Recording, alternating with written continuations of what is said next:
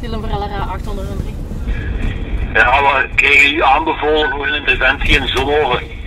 Dat was een melding van... Eh, hij zegt dat het een gekend probleem is. Dus ik weet niet of jij dat probleem kent. Dat zijn geiten, loslopende geiten. Die, ja, die zitten dan hem in de weide. Eh, hij heeft dat al verschillende keren aangekaart, zegt hem. Uh, bij hem staan ook paarden in de wei. En hij vreest dat er een van deze iets gaat gebeuren. Hij zegt, ja, ik zou graag hebben dat de politie dat niet komt vaststellen, want die geiten zitten wel en die wij hebben paarden. Hoor. Oké, okay, in eerste instantie zegt mij dat niet duidelijk iets, maar uh, ja, ik ga nu naar een controle inhalen. Uh, en als ik gedaan heb, wil ik daar wel eens even langs rijden. Oké, okay, dank u. Over 350 meter rechts afslaan. Op een vrijdagochtend begin december zijn inspecteur Sylvia Della Volpe en ik op weg naar Halen voor een controle, wanneer de oproep die je zojuist hoorde binnenkomt. En je raadt het misschien al omdat het over geiten gaat, maar Sylvia is dus de dierenpolitie van de lokale politiezone Limburg Regio Hoofdstad. Hoewel de geitjes in Zonhoven niet meteen een belletje doen rinkelen bij Sylvia, schiet het daar even later toch te binnen. Intussen is ook fotograaf Sven Dille ter plaatse en maken we ons op voor een dag vol ontsnapte geiten, katten die nog gesteriliseerd en gechipt moeten worden en een depressieve ezel. Nu kregen we een oproep van uh, loslopende geiten in Zonhoven. Dat is nu ja, in principe niet echt dierenwelzijn, maar we gaan ze even bellen naar de gaan dat we terug richting, richting Halset rijden, kijken of die dat geval kent, want ik ken het niet. Nu, dieren, ja, loslopende geiten. Oh, wacht. Straat, jawel, jawel. Met een Frank valt. Ik ben er wel al geweest. Toch dierenwelzijn. Ja, ja, ik moest daar nog hercontrole gaan doen, dus dat ah, komt goed uit. Dan gaan we daar naartoe, hè. Gaat je nu? Ja. Dan volg ik ja, het zat vers, hè. Oh, manneke. Ik ken zelfs de code van de poort om binnen te gaan. Goed. Oeh, die heb ik al gekregen? Die heb ik al gekregen, ja. En wat is dan? De mensen die dat toch zijn dieren verzorgt? Of, nee, dat is uh, van de eigenaar van de weide. Die verhuurt die weide. Dat zijn die geiten. En die man die had me de code van de poort gegeven voor de volgende keer. Ik zeg, dat is goed. Maar goed, we gaan vertrekken. Ja. Dit is Achter het Uniform, de podcast van het Belang van Limburg die je een exclusieve blik geeft achter de schermen van de lokale politiezone Limburg Regio Hoofdstad. LRA, dat zijn 450 personeelsleden, van korpschef tot onthaalmedewerker in de zes gemeenten Hasselt, Diepenbeek, Zonhoven, Halen, Herkdestad en Lummen. Wij volgen een dag mee bij elf verschillende teams. Ik ben Kato Poelmans en vandaag trek ik erop uit met de dierenpolitie.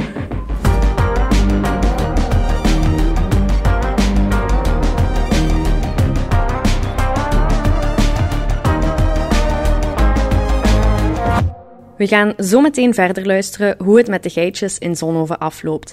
Maar eerst laat ik Sylvia graag zichzelf voorstellen. Want ze is nu wel dierenpolitie, maar ze heeft er intussen al een lange carrière bij de politie op zitten. Ik ben uh, Sylvia Della Volpe, dierenpolitie van de politiezone uh, Limburg, regio Hoofdstad.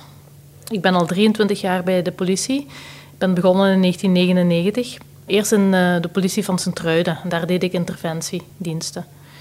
Nadien ben ik overgestapt naar de wijkdienst en nog iets later, in 2011, ben ik naar Hasselt gekomen om te werken bij de politie in de wijkdienst.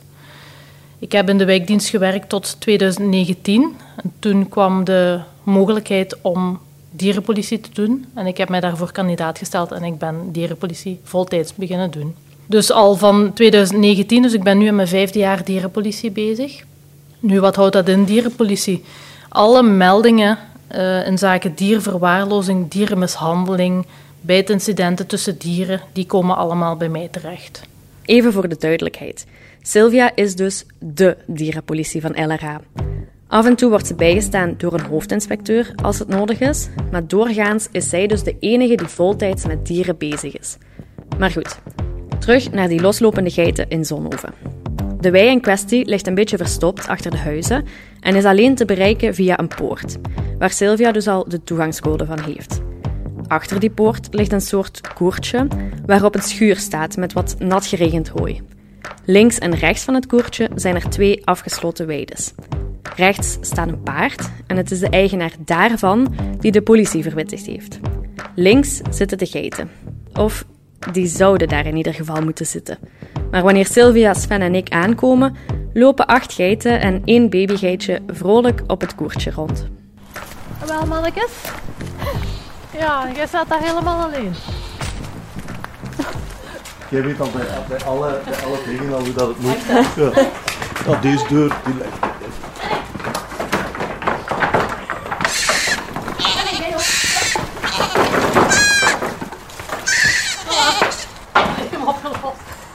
Ja, eens even kijken. Hè.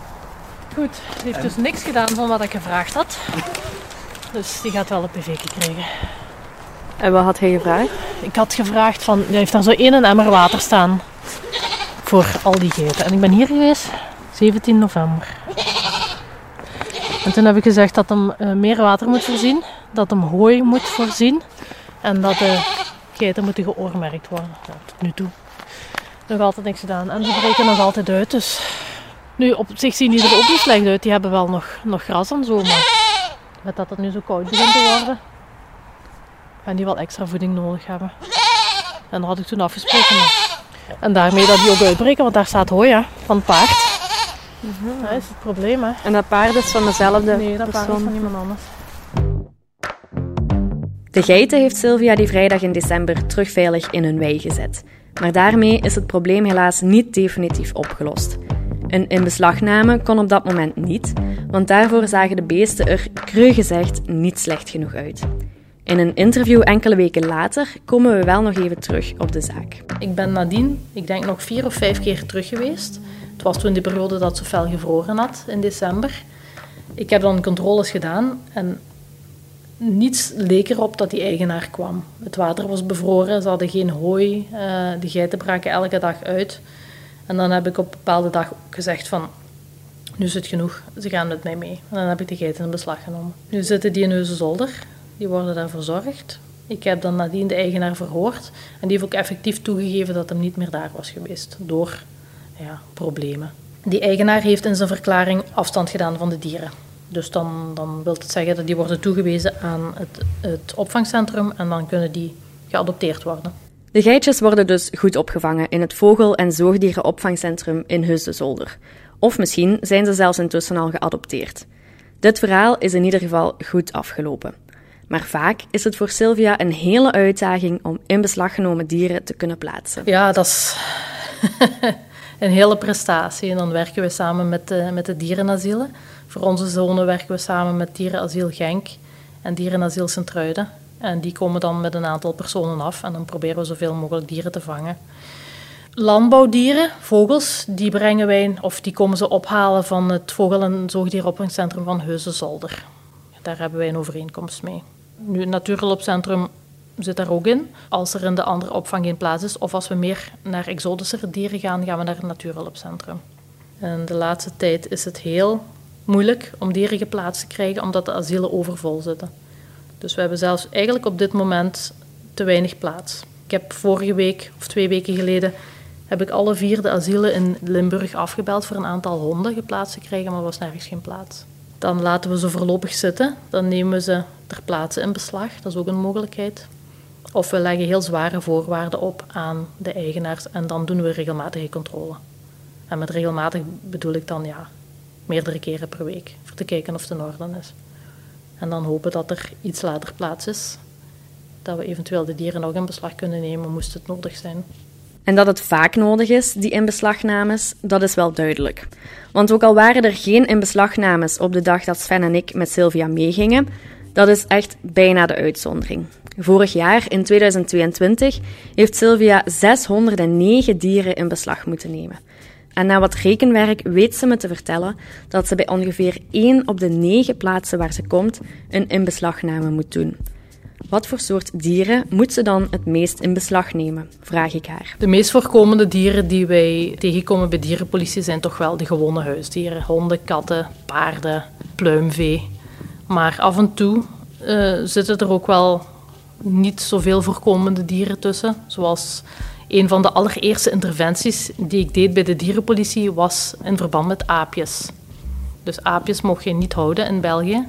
En er was een, een Poolse onderdaan die had apen meegebracht vanuit Polen met de bedoeling deze hier waarschijnlijk te verkopen. En daar zijn we dan naar buiten gekomen en hebben die aapjes in beslag genomen.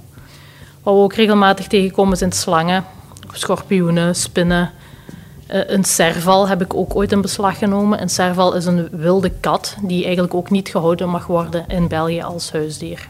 Nu, dat is wel is niet gemakkelijk om, om daar iets van af te weten. Ik ken zo de, de basic dingen van, ja, die spinnensoort moet vochtig zitten, die spinnensoort moet droog zitten. Maar als het echt gaat om een controle, dan moet ik ook een expert meepakken in reptielen of, of een, vogel, een spinnen, want daar, daar ken ik helemaal niets van.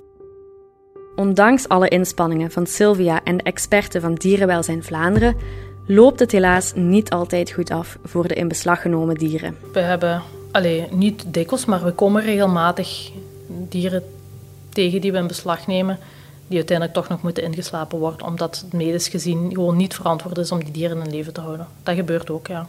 Dat is wel frustrerend.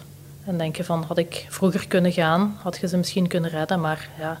Weet je, ik troost mij altijd aan de gedachte van dat mijn schuld niet is dat die dieren sterven, maar dat het schuld is van, van de mensen die er niet voor zorgen. Maar dat is wel heel vervelend, ja. Je doet dan al die moeite en dan moeten die dieren uiteindelijk toch nog ingeslapen worden. Dat is wel erg.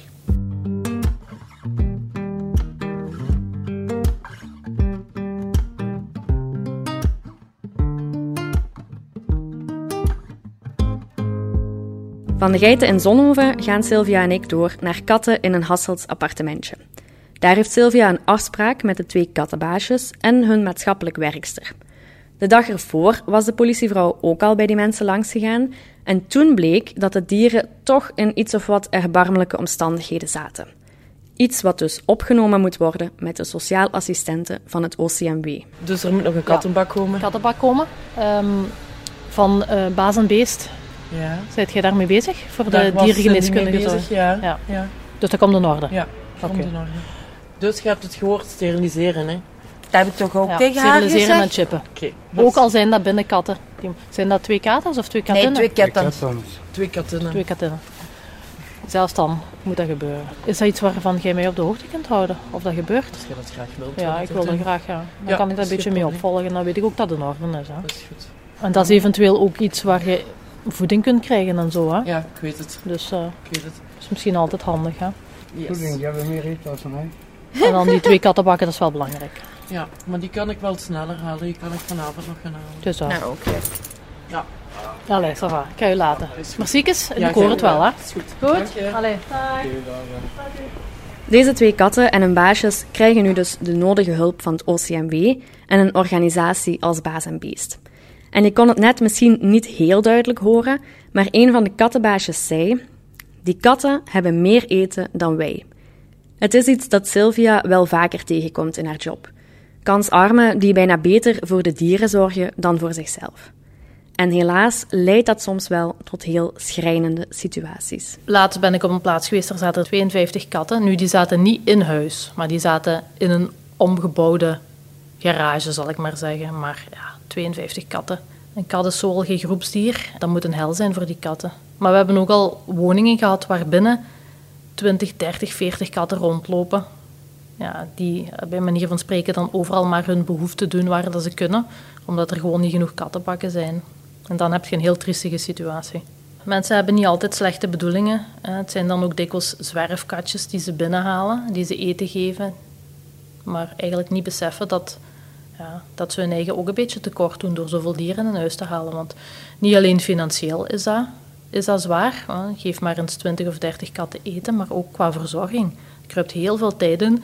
En we zien ook heel dikwijls, die mensen bedoelen dat echt wel goed. Maar die, ja, die laten hun eigen dan verkommeren, zal ik maar zeggen. Ik ben geen psycholoog, dus ik kan die mensen niet helpen. Ik kan ze helpen. Zij zien dat niet als helpen door een aantal dieren weg te halen en het hun een beetje gemakkelijker te maken. Maar ja, zij zien dat niet als helpen. Zij, zij denken dat wij de slechterik zijn.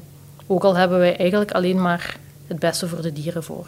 En dat, is, ja, dat blijft mij bij. Dat zijn van die dingen die mij bijblijven. Ik kan alleen maar doorgeven. Als ik ergens op plaatsen kom waar ik vind van de mensen moeten ook geholpen worden, dan geef ik dat wel door aan de juiste diensten. Dus op die manier probeer ik dan toch de mensen ook een beetje te helpen.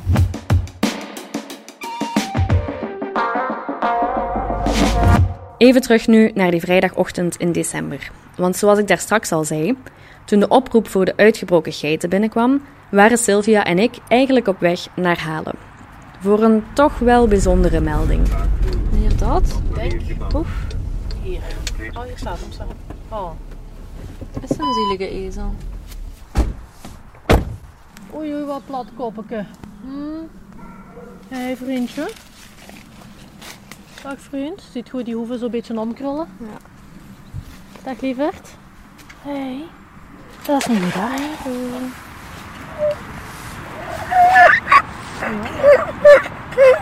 Oei, oei, oei. Hij klinkt niet erg goed, heeft hangoortjes en zielige ogen. Maar of deze ezel echt depressief en verwaarloosd is, hmm, moeilijk te zeggen. Feit is wel dat zijn wei allesbehalve ideaal is. Het is een grote wei, dat wel, omgeven door bomen, maar er is amper een grasprietje op te zien. Er zijn ook nergens echt sporen van hooi of van stro dat de ezel kan eten. En het dier heeft dan wel een stal, maar die blijkt ook niet helemaal in orde, want hij is niet ingestrooid en ligt vol modder. Dan maar proberen om de chip van het dier te lezen, zodat Sylvia de eigenaars kan contacteren. Want op het moment dat wij daar zijn, is er niemand thuis. Maar die ezel, die laat zich niet zomaar doen en die komt ook niet meer in onze buurt. Dus haalt Sylvia het grof geschut erbij. Kom eens hier. Hier hoor. Allee. Hij heeft misschien niet graag aardbeien. Pas op, pas op, hij komt eraan. Je hebt hem gelokt, denk ik. Mmm. Lekker hè? Crunch, crunch. Hij is slimmer dan je denkt. Beetje flauw hè? Hier, aan die kant. Nee. Koppige ezel zeggen ze hè? En nu is hem weer daar. Allee. Hier is een snoepje. Ja. Ja, maar Waar zit die chip eigenlijk? In de linkerkant van de nek.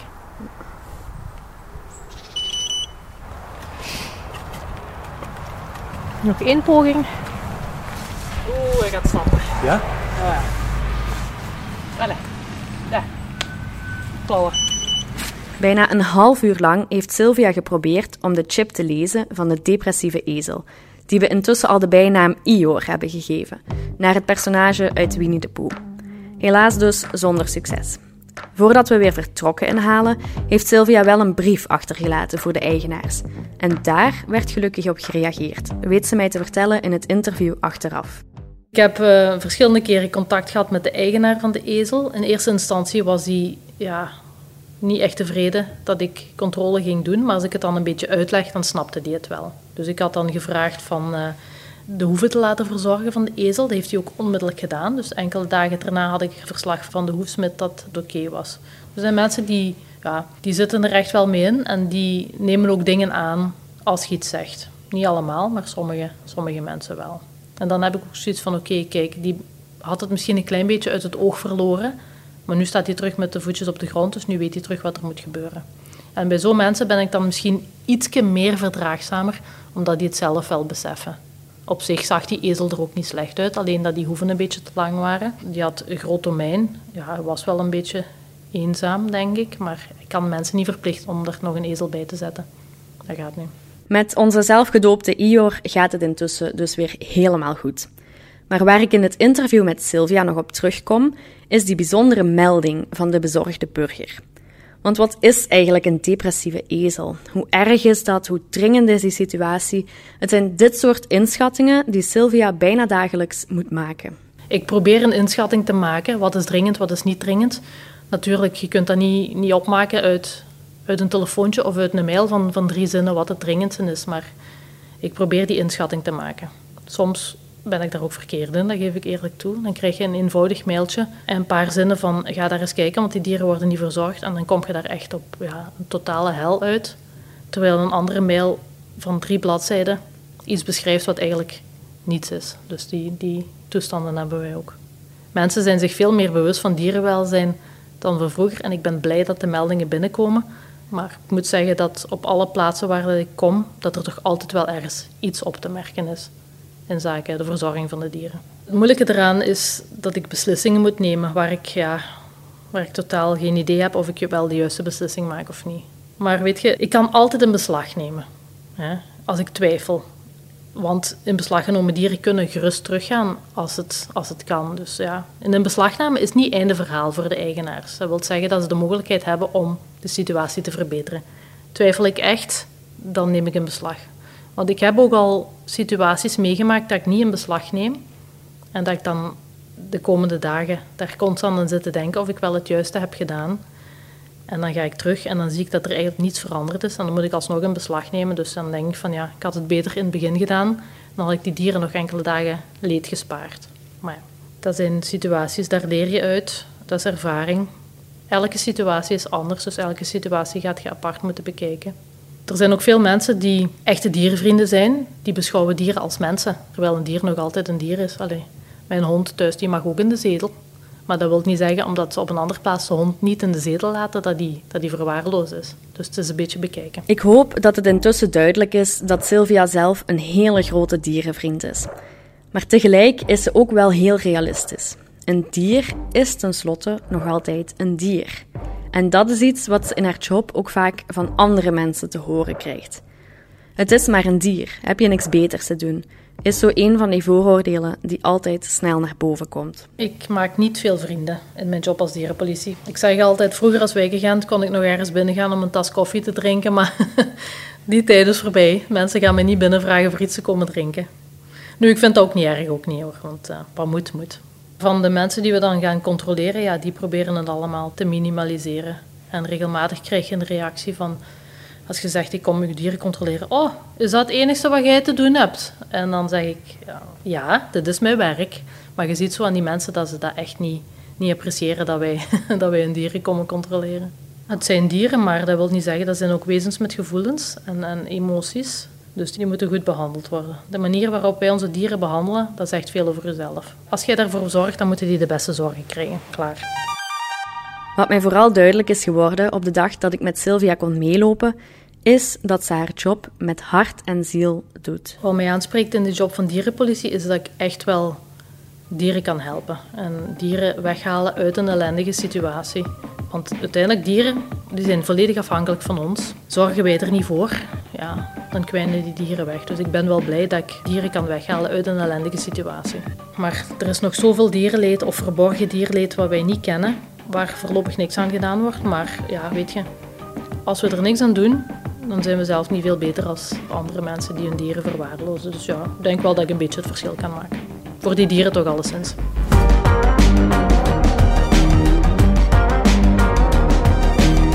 Achter het uniform is een podcast van het Belang van Limburg, geproduceerd door mezelf, Cato Poelmans.